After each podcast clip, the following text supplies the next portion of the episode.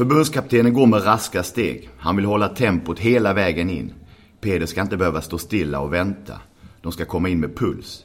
Bommen är uppfälld, ankarkrona klappar Olin försiktigt ett par gånger och stannar vid insläppet, men säger inget. Allt är redan sagt, de är framme nu.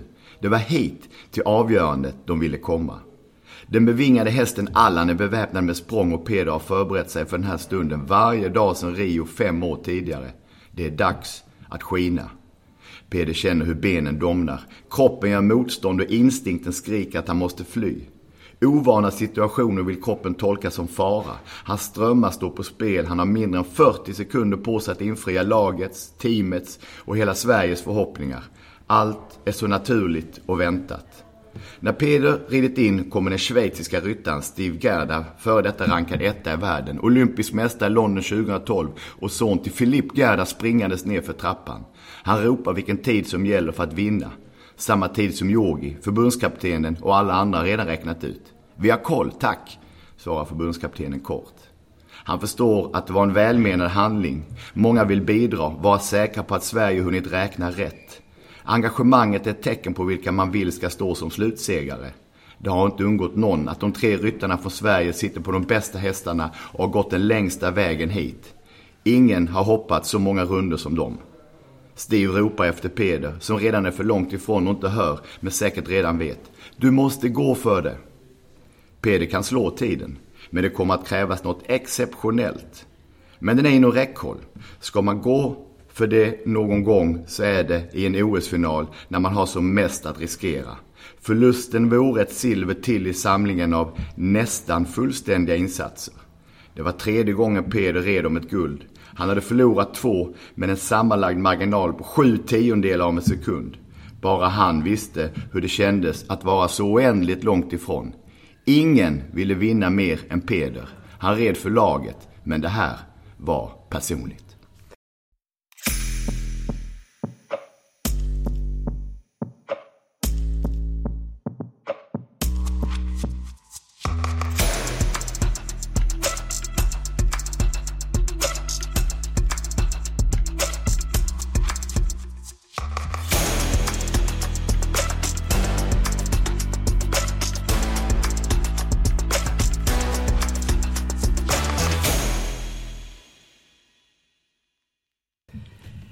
Välkommen till Hästfolk, Henrik Jonsson. Tack så mycket Elisabeth, tack. Det här, det när vi talades vid sist, mm. det var i januari. Oj, ja. Och eh, redan nu så du hintade om att du kanske skulle skriva en bok. Mm. Och det har du ju gjort. Ja, det har jag gjort. Så eh, Gick det så fort? Eller hade du den redan mycket mer färdig än vad du sa? Jag har hållit på med den här boken i över ett och ett halvt år. Men anledningen till att man håller inne med att berätta om det är att jag ville vara säker på att det skulle fungera. Att det skulle bli något. För det första är det rent praktiska att alla ryttare och ledare är med på det och tycker det skulle bli spännande. Men också att det skulle gå att göra någonting spännande av någonting som man redan visste hur det skulle sluta. Så att det inte blev en akademisk skoluppsats. Först kom den och sen kom den. Utan att det ska bli ett levande drama som vi ska återuppleva och genomleva en gång till. Ja, det kan man väl ändå säga att det blev. Ja, jag tycker det faktiskt. Det, är det som gläder mig. Nu när vi pratar här så har boken varit ute ett par dagar. Och att jag blir lika glad varje gång någon hör av sig och säger att eh, det var spännande. Det var som att komma dit. Och så vill man gärna berätta vad man själv var när man såg när, eh, när man såg det på TV. Ja, jag satt ju och lyssnade på när ni refererade. Mm. Och jag tänkte ju att hur kan du hålla dig så kall mm. när Malin var med och höll på att skapa något historiskt. När du skrev boken sen, föddes den idén redan då? Idén till att skriva boken kom liksom några veckor efteråt, eller någon månad efteråt. Men jag kände väldigt tydligt precis när vi hade när Sverige hade vunnit och vi var klara, färdigkommenterade att någonting hade förändrats. Vi var på väg in i en ny tid. Det hade varit liksom 20 år av många framgångar men fortfarande alltid att det skulle vara lite överraskande. Vi var glada för ett brons, vi var glada för ett silver, vi var underdogs och trivdes med det. Men nu så kom de fram, de här tusentals timmarna som Henrik, Peder och Malin har lagt. Det blev någonting av det, det räckte mm. hela vägen. Eh, och att en stormaktstid var på gång att inledas, vilket då efter, eftertiden har, har visat. Med all önskvärd tydlighet med först Peder som världsättare och sen Henrik som världsättare och sen VM-guld och EM-guld. Och, eh, vi befinner oss i en tid som vi kommer att sakna inom en mm. snar framtid. Ja, det är svårslaget det som... Det går inte. De det är bäst nu. Nej. Nej. Vi sitter här på Grand Hotel i Lund mm. när jag träffar Henrik och, får, och han berättar om sin bok och hur den kom till. Och om ni hör lite ljud här och var så beror det på det. Den, eh, jag tänker att när du satte igång att skriva, hade du mycket med dig egentligen som du hade upplevt innan eller började du göra en massa research? Ehm, jag tror att det är en blandning av allt jag har sett längs med vägen och jag ser ju hur ryttarna, jag vet ju hur de rör sig och jag vet ju hur noggranna de är i att få det som de vill ha det. Så att jag tror att det, det utgår, ett spår utgår ifrån allt jag har varit med om, men all, alla specifika händelser måste jag få rätt. Som jag har pratat jättemycket med, med alla inblandade. Men till exempel, jag förklarar ju en scen när Malins föräldrar sitter framför tvn och tittar på Malin. Att det har jag ju sett dem göra över hundra gånger. Mm. Det är mm. likadant varje gång. Mm, Gittan sitter där med startlistan och skriver. Och Pelle sitter och svär och spottar. Men, och när det är dags för Malin att rida så går Gittan ut och Pelle spottar lite tuggtobak till på mattan. och sen så börjar det om. Och jag tror att hela, att detta också är ett sätt att samla ihop alla de här repetitiva beteendena. Att mm. ingen vill låtsas vara skrockfull. Men vi vet ju också att var man nolla i förra klassen så står man gärna på samma ställe och man behåller samma kläder och samma skor. Och att, att också kunna få med, skildra en, en kultur nerkokat i den här händelsen. En sportkultur, det är väl mm. likadant i andra sporter, eller hur? Det här med att jag tror det, jag tror det verkligen. lite skrockfull ändå. Ja, och att jag hellre ville skilja sporten mycket mer än själva hästarna. Att det är mer en sport. Den, det finns någon slags metafor i vad det innebär att vara människa, om, man får dra det så långt att mm. Vad är man när det är dags att avgöras? Mm. Och i ridsporten så kan, jag ibland liksom förundrats över alla de här fina rundorna med två ner. Att jag mm. inte förstått. Alltså, på träningar gör vi fina saker och på tävlingar så tävlar vi. Men jag kan tycka ibland i, i ridsporten så blandar man ihop det där lite grann. Man är nöjd för hästen kändes fin. Och så ser jag att det ligger två bommar på marken. Vad, vad finns det att vara nöjd över? Men det är för att jag inte kan hästar. Men jag har alltid liksom haft den frågan i mig. Ja, men du säger det att för varje felfri runda kommer du närmare ett nedslag. Mm det är en, eh, ett uttryck som jag har hört många gånger och funderat över att det är klart att det är så. Men som jag också skriver, frågan är ju när nedslaget kommer och hur mycket kostade den gången en, en, eh, en liten klass i Västerviken en torsdag eftermiddag kanske inte är så dyrt men den 7 augusti i Tokyo så skulle det vara hela skillnaden. Mm. Ja, jag tycker att, om jag tänker på att du har skildrat både personerna väldigt mycket. Mm. Även skildrat eh, dem runt omkring teamet. Mm. Mm. Och vägen fram till vad som har påverkat dem till det här. Mm. Så eh, en del jag tänker på där, när du har sett de här olika personligheterna. Du har ju skildrat person, personerna mm. som eh, de individuella idrottsmän de är. Mm. Och kvinnor. Vad, vad var roligast med boken? Det roligaste har nog varit att lägga det här pusslet som har varit det svåra. För, för egentligen så, så gäller det att få med läsaren på att när det är dags att av, för finalen att avgöras så måste alla vara överens om vilka det är som har gjort vad. Då är det viktigt att veta yogis förberedelse. Då är det viktigt att veta Indianas bakgrund och Olins bakgrund. Så att när Peder tvingas välja om man ska gå på åtta eller sju mm. så ska man förstå hur mycket som står på spel. Så det, det, har varit, det har varit intressant att bygga karaktärer av människor som jag känner i en kultur som jag kan. Men också att försöka göra det som en historia. Att jag måste också äga berättelsen och göra det. det jag måste hoppa över vissa saker för att berättelsen har inte tid på ett par ställen att berätta allting och berätta hela liksom. Eh, man kan ju berätta ännu mer om allt möjligt. Men historiens dramaturgi och rytm är viktigare än att jag redovisar allting. Mm. Jag har ingen redovisningsplikt. Utan det är en, att liksom servera en, en, en välskuren eh, historia. Ja, men, precis. Och det är väl där det kommer just det att ändå veta hur det går. Ja. Och ändå tycka att det var så spännande som, jag, som det var. Mm. Vad, när du sen har skildrat själva tävlingsögonblicket. Mm. Kunde du gå tillbaka till det du refererade? Ja, och nu ska jag säga en sak som jag kommer att tänka på faktiskt, eller som jag kommer att tänka på nu att jag har ju ofta fått frågan om hur det var att kommentera Malin när hon mm. red och, och det var ju Ja, det var jag ju väl förberedd på just det här att jag ville vara tyst för att lämna tittaren i ett drama.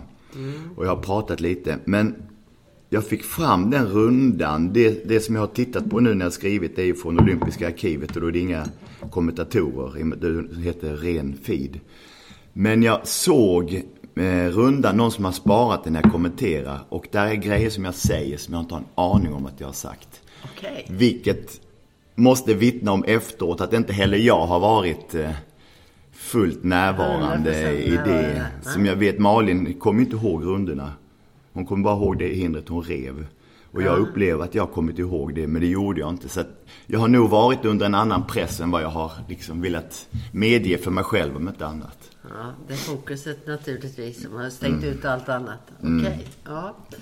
Eh, men jag tänker, för du måste ju ha suttit sen, med tanke på när man läser boken så ser man ju, dels är du väldigt insatt i precis exakt hur allting gick till.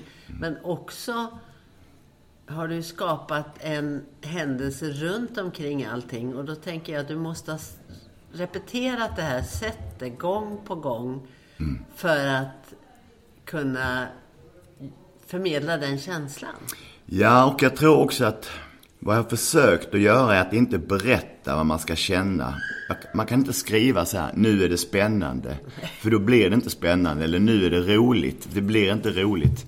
Utan det är så viktigt att gestalta det. Det som vi, min bransch heter show, don't tell. Alltså visa det, men säg inte det. Det blir spännande av att veta att Peder ligger i ett svalt omklädningsrum och tittar på tv-serier och äter godis medan Henrik von Eckermann in och, och, och, rider. Det bygger upp en spänning av att han ska ut och göra någonting som är så omänskligt i, i sitt krav att han måste kliva ut ur bubblan för att kunna överleva.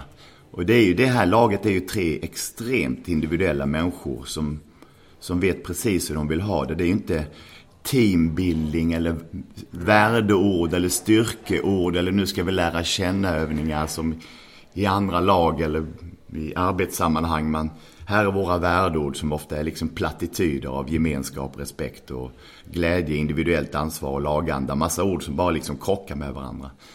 Eh, att man säger att det är, det är viktigt att våga vara offensiv framåt men man får inte glömma bort att försvara samtidigt. Men de här tre, de gör det på sina villkor precis som de vill ha det. Och de är över 40 år gamla. De vet precis vilka konsekvenser det kan få. Så spänningen är, har jag tänkt i alla fall, att dela tankarna med vad de känner. Om man vet att de går undan, om man vet hur de tänker så vet man också genom dem hur, eh, hur eh, dramatiskt det här är.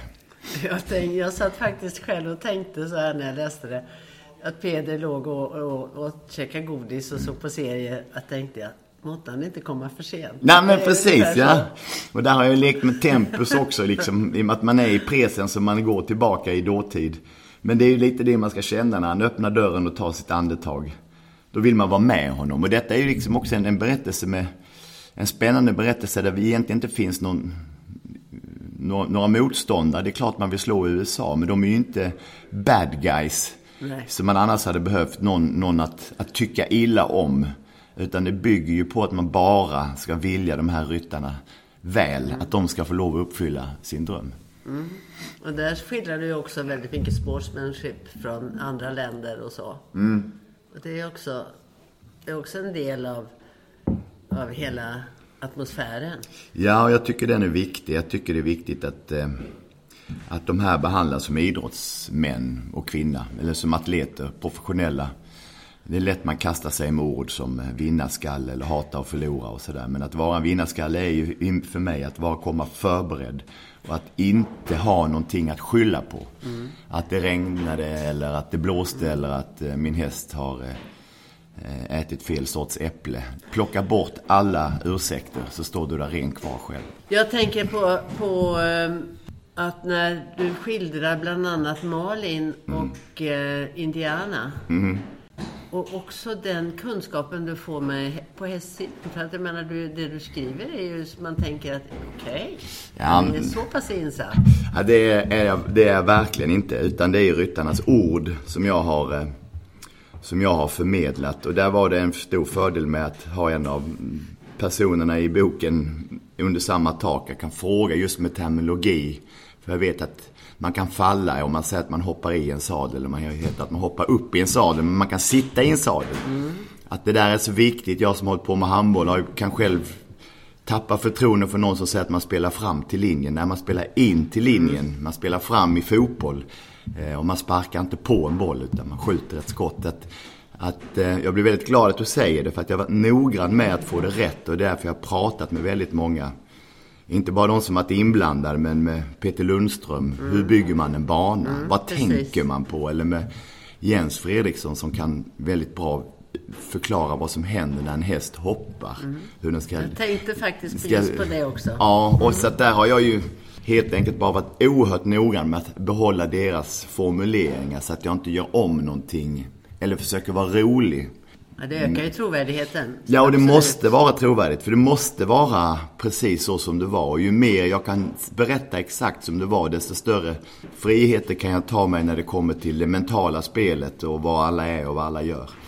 Du skildrar ju också där på slutet med den här videosnutten. Den går ju inte att få in här, men den, eh, den är ju, har ju gått runt en del. Den är ju också obetalbar. Hur man hanterar spänning ja. olika. Ja, det är helt underbart. Det är Tia som har filmat det när Malin sitter på huk. Ja, ja hästskötaren. Mm. Malin sitter på huk. Hon har fortfarande hjälmen på sig. Och Henrik som, som går i någon slags spasmisk dans utanför sin kropp. Och även att man ser att de här två är inte med längre. Mm. De kan inte bidra. Deras mm. tid är över. Den eh, paniken av att av att inte kunna hjälpa till längre. Mm. Att nu har de satt sin förtröstan till en lagkamrat. Eh, och de inte heller vågar tro på det. Att Henrik står och skriker faster. Och att han börjar prata engelska efter att ha bott i Tyskland i 20 år.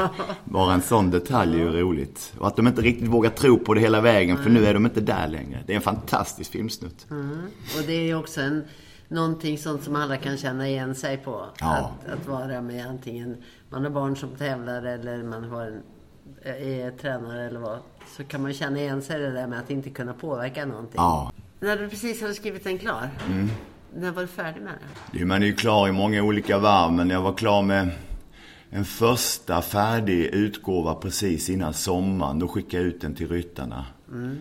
Um, och sen har jag ändrat lite grann. Det var väldigt intressant för alla kom tillbaka med olika ändringar. Jag trodde att det skulle vara att det skulle vara samma sak, jag gjort fel. Men det var ingen som hade samma. Peders enda invändning var att han var 1,89 och inte 1,88. Något fel på någon, något hästnamn och lite så. Kom tillbaka. Sen fick jag in en historia till. Det var faktiskt Malin som satt med Jessica Springsteen på en tävling.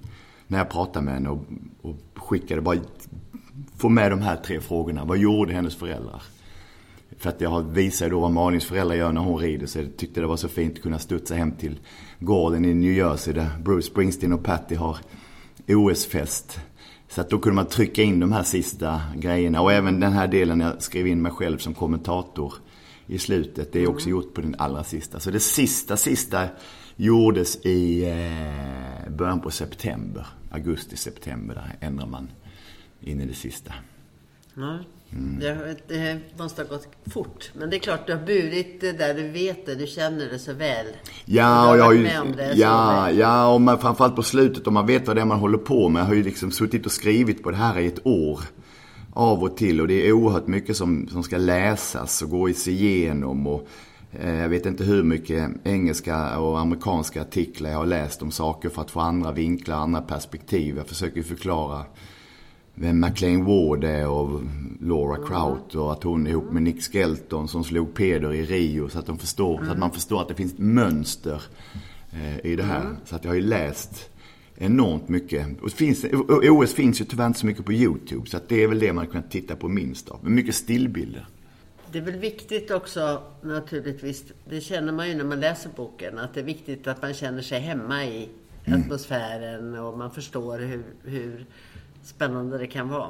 Men Ja, också och vad inte- som krävs. Ja men det är ju det. Och inte heller döm, bedöma eller tala om återigen att säga att det här är en sport där det är viktigt att kämpa. Utan man får försöka berätta hur mycket de har gjort i händelser i, i, istället.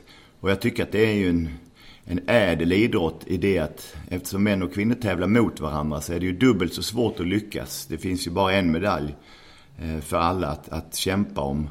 Och att åldern är till din fördel om du lyckas hålla dig i fysisk form. Jag vet inte vad medelåldern är på, på all samtliga ryttare men Laura Kraut och, och McLean Ward har ju också varit med länge. Jessica som vid tillfället var den högst rankade kvinnan i världen är ju, är ju rena junioren eh, i, i sammanhanget. Att, att det är en så fruktansvärt svår sport som kan ta slut på första hindret eller på sista. Men när tävlingsformen var som den var på OS med tre ryttare så har liksom varje hinder Dessutom, ja. har ett, bär på ett misslyckande.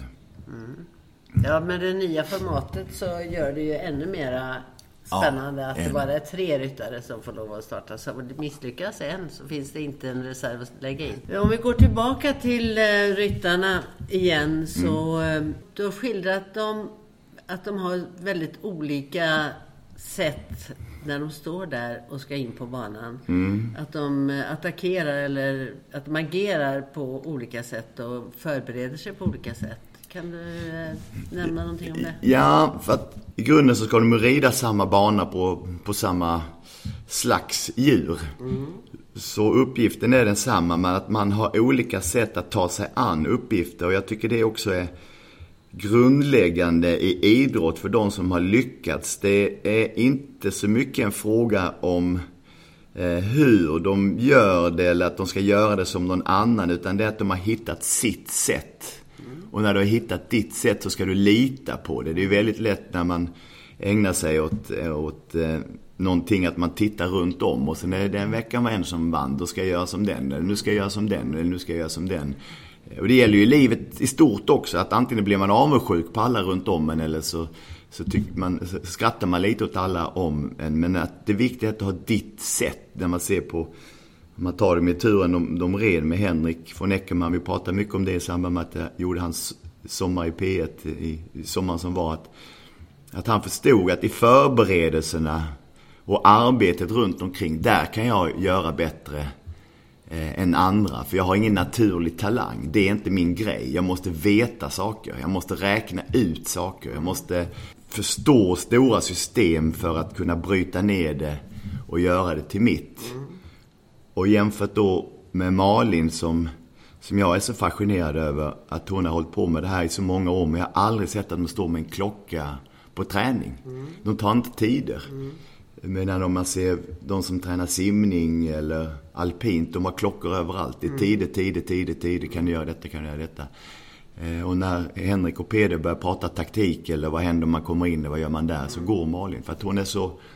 Jag, jag gillar att prata om det integritet. Hon vet så väl vad den här sporten är för henne. Så hon, hon vet vad hon kräver. Ibland så kan det vara mysigt att sitta och titta på en tv-serie. Ibland vill man gå på stan och shoppa, ibland vill man ligga på hotellrummet. Men när det väl är dags så vet hon att hon litar på sitt system. Som såklart har förändrats genom åren, men, men alltid har varit hennes. Jag tror aldrig hon har gjort någonting som någon annan har sagt, gör detta. Och att hon inte har någon tränare heller.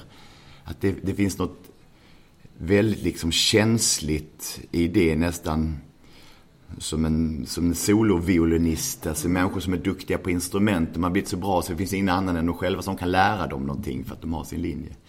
Och sen är det ju Peder då som har gått med liksom den intellektuella vägen. Läser böcker om att vinna, läser böcker om mental träning. Så här ska jag tänka, så här ska jag göra. Har ju brutit ner det som jag gillar i, i boken, att när han var, han var förberedd för Rio, men han hade inte förberett sig på vad han skulle göra mellan i vilan, den måste man också planera. Så att i Rio blev han trött av att hålla sig till allt han hade förberett. Medan i Tokyo så hade han förberett även när han skulle vila så att han inte blev trött när han skulle hålla sig till, mm.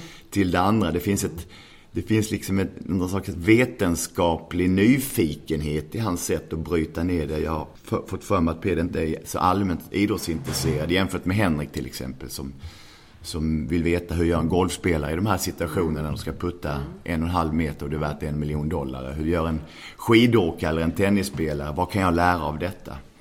Eh, så det är väldigt fascinerande att, att de gör olika saker för att komma fram till samma sak. Och att de känner varandra så otroligt väl så att ingen behöver, ingen behöver göra sig till för den andra. Ingen försöker, måste säga god morgon för att det ska skapa trevlig stämning. Ingen behöver sitta på en lunch som man inte vill vara på. Man hellre vill ligga på rummet och titta i taket. Som Peder säger i boken att Alltså vi hade det trevligt, men inte trevligt trevligt. Vi var inte trevliga mot varandra. Vi behövde inte det. Vi är förbi den grejen. Vi behöver inte det. Vi var där för att vi skulle vinna ett guld. Ja, där har du också tagit upp eh, Henriks sätt att bearbeta det, sin, sin besvikelse. Ja. Från, att, eh, från den individuella klassen. Ja. Um... Och hur han gjorde, hur han behövde bearbeta det. Men... Ja, han har ju liksom, jag har ju sett honom när han bodde i Sverige. Det är 20 år sedan. Han liksom just det här med att kasta hjälmen och fräsa och svära mm. som någon slags trotsigt barn. Men att den, den, den vreden är ju en ren energi. Mm. Och en besvikelse bär ju också på en energi och att han, han var så fruktansvärt förbannad och ledsen och besviken också.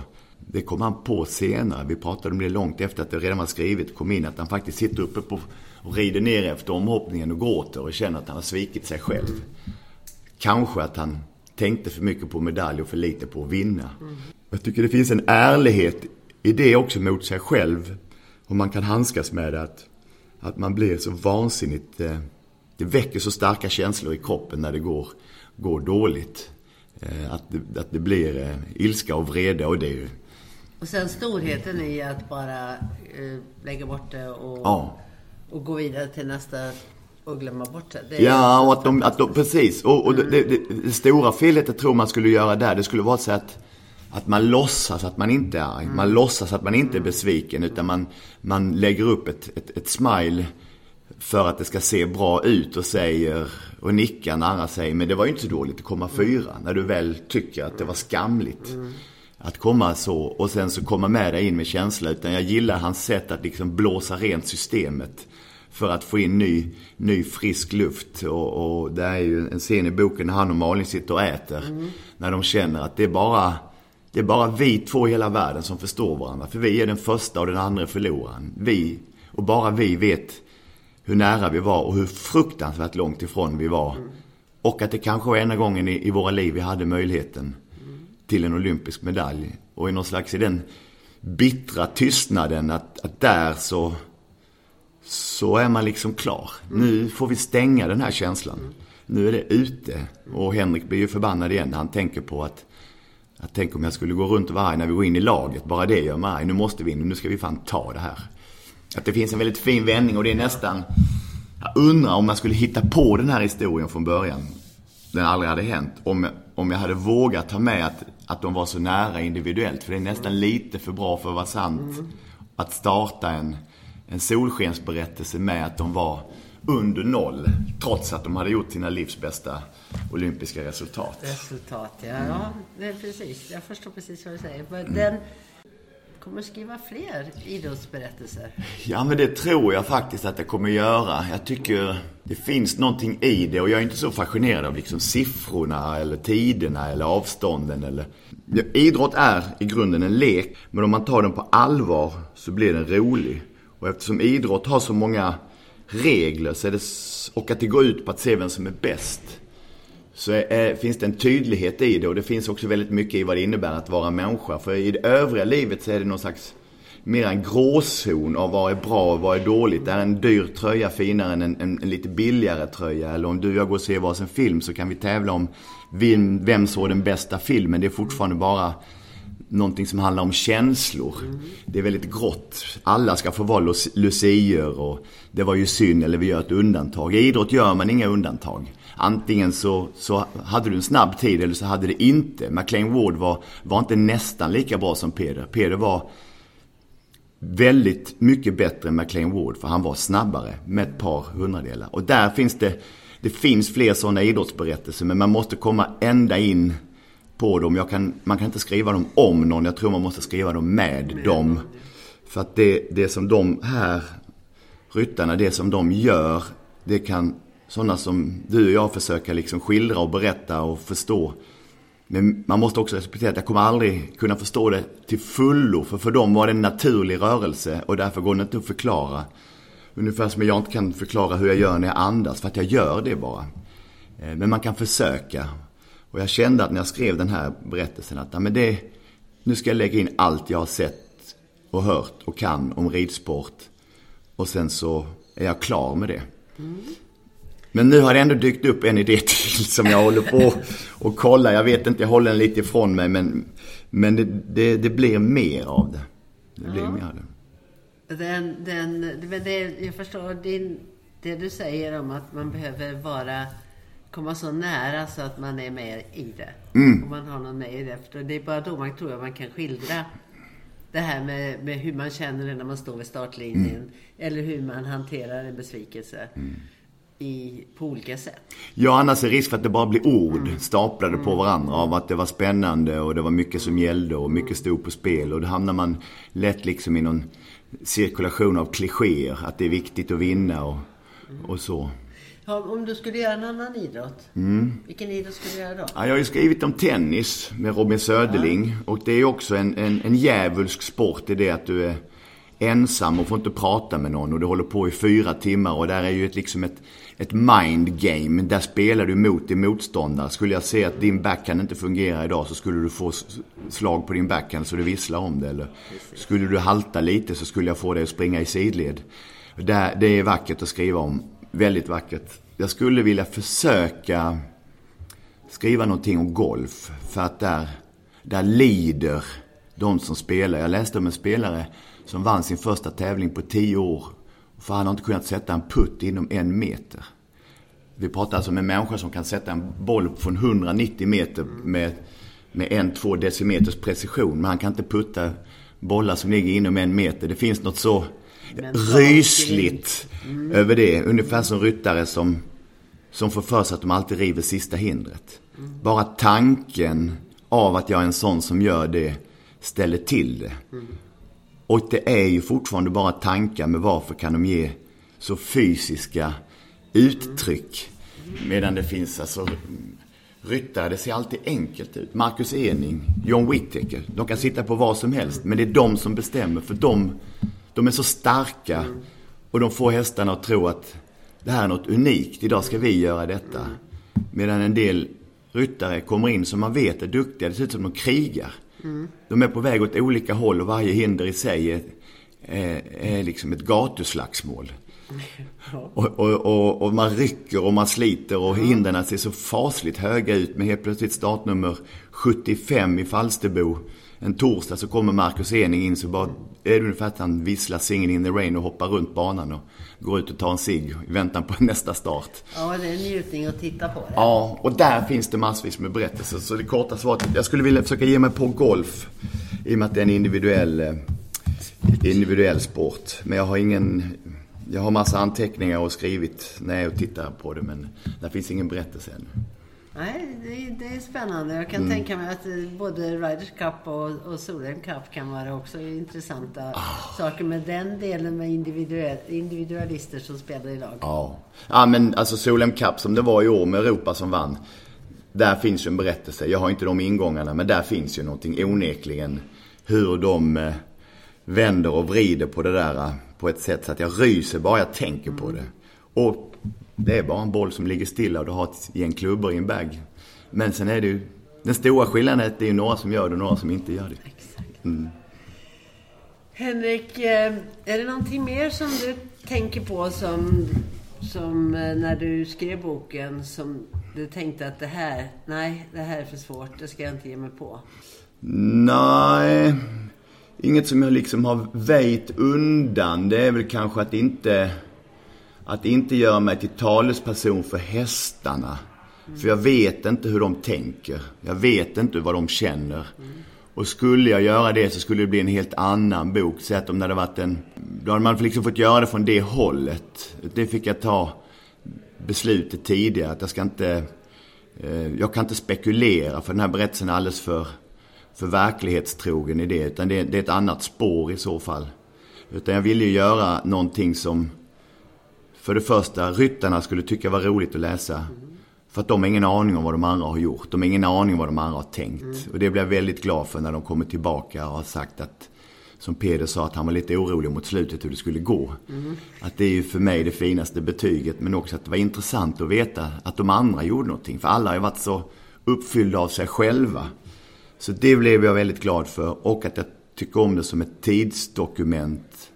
Att hoppsporten i Sverige gjorde någonting unikt och vill man veta hur det gick till så kan man läsa den här boken. Eh, och sen är det alltid också människor som säger, jag är egentligen inte så, så intresserad av hästsport, men jag måste säga att det här var väldigt spännande att läsa. Det, det, att hålla på i den här genren, så var det när vi gjorde boken om Robin Söderling också. Det handlar ju egentligen om att han mådde så fruktansvärt dåligt när han var som bäst. Men att man kan Eh, sätta lampan på det mänskliga, för det är ju det det är. Det är ju vanliga människor som ska göra en omänsklig, eh, omänsklig handling. Och hur gör man då? Det är det som är liksom frågan i en sån här berättelse. Det är det som är det spännande. Ja, ja. Så att det inte blir liksom, eh, här är fem tips för mental press, här är tre Nej. tips hur du tränslar din häst. Liksom. Det, är ingen, det, är ingen, det är ingen powerpoint det här, det är ingen skoluppsats. Nej, det, man, man får ju uppleva det man vill uppleva själv. Ja, och det är ju förhoppningsvis, det är ju, det är ju som allt. En tavla, en låt, en bok. Det är betraktarens eller den som läser. Ja, det ska hända i människan. Mm. Henrik, eh, tack så jättemycket. Mm. Tack så mycket. Det är så mysigt att prata med dig. Liksom. Ja, det är så kul att höra det här, hur mm. du har tänkt och hur mm. det har blivit. Och eh, som sagt var, jag ser fram emot nästa bok. ja, tack så jättemycket för att vi fick den här stunden att prata.